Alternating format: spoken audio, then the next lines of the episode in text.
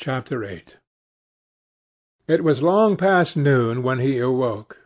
His valet had crept several times on tiptoe into the room to see if he was stirring, and had wondered what made his young master sleep so late.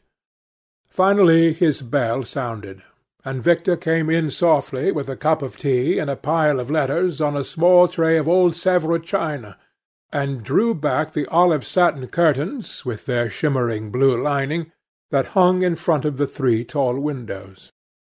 "Monsieur has well slept this morning?" he said, smiling. Uh, "What o'clock is it, Victor?" asked Dorian Gray drowsily.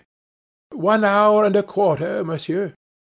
How late it was! He sat up, and having sipped some tea, turned over his letters. One of them was from Lord Henry, and had been brought by hand that morning. He hesitated for a moment, and then put it aside. The others he opened listlessly. They contained the usual collection of cards, invitations to dinner, tickets for private views, programmes of charity concerts, and the like that are showered on fashionable young men every morning during the season. There was a rather heavy bill for a chased silver Louis Quinze toilet set that he had not yet had the courage to send on to his guardians who were extremely old-fashioned people, and did not realize that we live in an age when unnecessary things are our only necessities. And there were several very courteously worded communications from Jermyn Street money-lenders, offering to advance any sum of money at a moment's notice and at the most reasonable rates of interest. After about ten minutes he got up, and throwing on an elaborate dressing-gown of silk-embroidered cashmere wool, passed into the onyx-paved bathroom. The cool water refreshed him after his long sleep. He seemed to have forgotten all that he had gone through. A dim sense of having taken part in some strange tragedy came to him once or twice, but there was the unreality of a dream about it. As soon as he was dressed he went into the library and sat down to a light French breakfast that had been laid out for him on a small round table close to the open window. It was an exquisite day. The warm air seemed laden with spices. A bee flew in and buzzed round the blue dragon bowl that, filled with sulphur yellow roses, stood before him. He felt perfectly happy. Suddenly his eye fell on the screen that he had placed in front of the portrait, and he started. "Too cold for monsieur?" asked his valet, putting an omelette on the table. "I shut the window?" Dorian shook his head. "I am not cold," he murmured. Was it all true? Had the portrait really changed, or had it simply been his own imagination that had made him see a look of evil where there had been a look of joy. Surely a painted canvas cannot alter. The thing was absurd. It would serve as a tale to tell Basil some day. It would make him smile. And yet how vivid was his recollection of the whole thing! First in the dim twilight, and then in the bright dawn, he had seen the touch of cruelty round the warped lips. He almost dreaded his valet leaving the room. He knew that when he was alone he would have to examine the portrait. He was afraid of certainty. When the coffee and cigarettes had been brought and the man turned to go, he felt a wild desire to tell him to remain. As the door was closing behind him, he called him back. The man stood waiting for his orders. Dorian looked at him for a moment. "I am not at home to any one, Victor," he said with a sigh. The man bowed and retired. Then he rose from the table, lit a cigarette, and flung himself down on a luxuriously cushioned couch that stood facing the screen. The screen was an old one, of gilt Spanish leather, stamped and wrought with a rather florid Louis Quatorze pattern.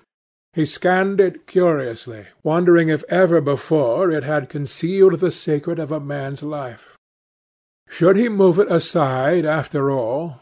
Why not let it stay there? What was the use of knowing? If the thing was true, it was terrible. If it was not true, why trouble about it?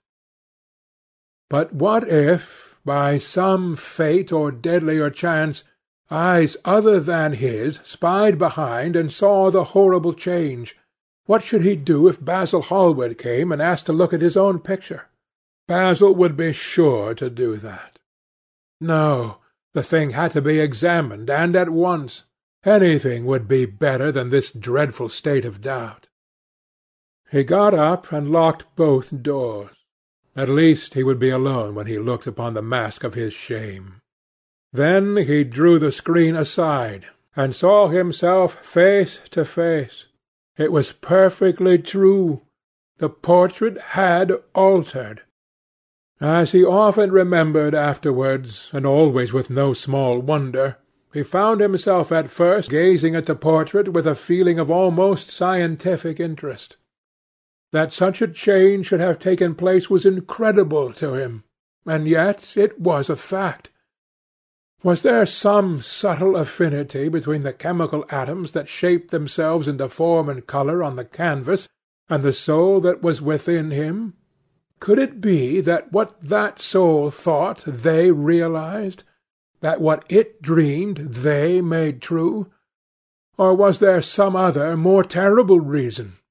He shuddered and felt afraid, and going back to the couch, lay there gazing at the picture in sickened horror. One thing, however, he felt that it had done for him. It had made him conscious how unjust, how cruel, he had been to Sibyl Vane. It was not too late to make reparation for that. She could still be his wife. His unreal and selfish love would yield to some higher influence, would be transformed into some nobler passion, and the portrait that Basil Hallward had painted of him would be a guide to him through life, would be to him what holiness is to some, and conscience is to others, and the fear of God to us all. There were opiates for remorse, drugs that could lull the moral sense to sleep, but here was a visible symbol of the degradation of sin. Here was an ever-present sign of the ruin men brought upon their souls. Three o'clock struck, and four, and the half-hour rang its double chime, but Dorian Gray did not stir. He was trying to gather up the scarlet threads of life and to weave them into a pattern, to find his way through the sanguine labyrinth of passion through which he was wandering. He did not know what to do or what to think. Finally, he went over to the table and wrote a passionate letter to the girl he had loved, imploring her forgiveness and accusing himself of madness. He covered page after page with wild words of sorrow and wilder words of pain. There is a luxury in self-reproach. When we blame ourselves, we feel that no one else has a right to blame us. It is the confession, not the priest, that gives us absolution. When Dorian had finished the letter, he felt that he had been forgiven. Suddenly there came a knock to the door, and he heard Lord Henry's voice outside. "My dear boy, I must see you. Let me in at once. I can't bear your shutting yourself up like this." He made no answer at first, but remained quite still. The knocking still continued, and grew louder. Yes, it was better to let Lord Henry in, and to explain to him the new life he was going to lead, to quarrel with him if it became necessary to quarrel, to part if parting was inevitable. He jumped up, drew the screen hastily across the picture, and unlocked the door. "I am so sorry for it all, Dorian," said Lord Henry as he entered, "but you must not think too much about it. "Do you mean about Sibyl Vane?" asked the lad. "Yes, of course," answered Lord Henry, sinking into a chair and slowly pulling off his yellow gloves. "It is dreadful, from one point of view, but it was not your fault. Tell me, did you go behind and see her after the play was over?" "Yes." "I felt sure you had. Did you make a scene with her?" I was brutal, Harry, perfectly brutal. But it is all right now. I am not sorry for anything that has happened. It has taught me to know myself better. "Ah, Dorian, I am so glad you take it in that way. I was afraid I would find you plunged in remorse and tearing that nice curly hair of yours." "I have got through all that," said Dorian, shaking his head and smiling. "I am perfectly happy now. I know what conscience is, to begin with. It is not what you told me it was. It is the divinest thing in us. Don't sneer at it, Harry, any more, at least not before me. I want to do good. I can't bear the idea of my soul being hideous. A very charming artistic basis for ethics, Dorian. I congratulate you on it. But how are you going to begin? By marrying Sibyl Vane. Marrying Sibyl Vane? cried Lord Henry, standing up and looking at him in perplexed amazement. But, my dear Dorian. Yes, Harry, I know what you are going to say. Something dreadful about marriage. Don't say it. Don't ever say things of that kind to me again. Two days ago I asked Sibyl to marry me. I am not going to break my word to her. She is to be my wife. Your wife, Dorian? Didn't you get my letter? I wrote to you this morning, and sent the note down by my own man. Your letter? Oh, yes, I remember. I have not read it yet, Harry. I was afraid there might be something in it that I wouldn't like. You cut life to pieces with your epigrams. You know nothing, then. What do you mean? Lord Henry walked across the room, and sitting down by Dorian Gray, took both his hands in his own and held them tightly.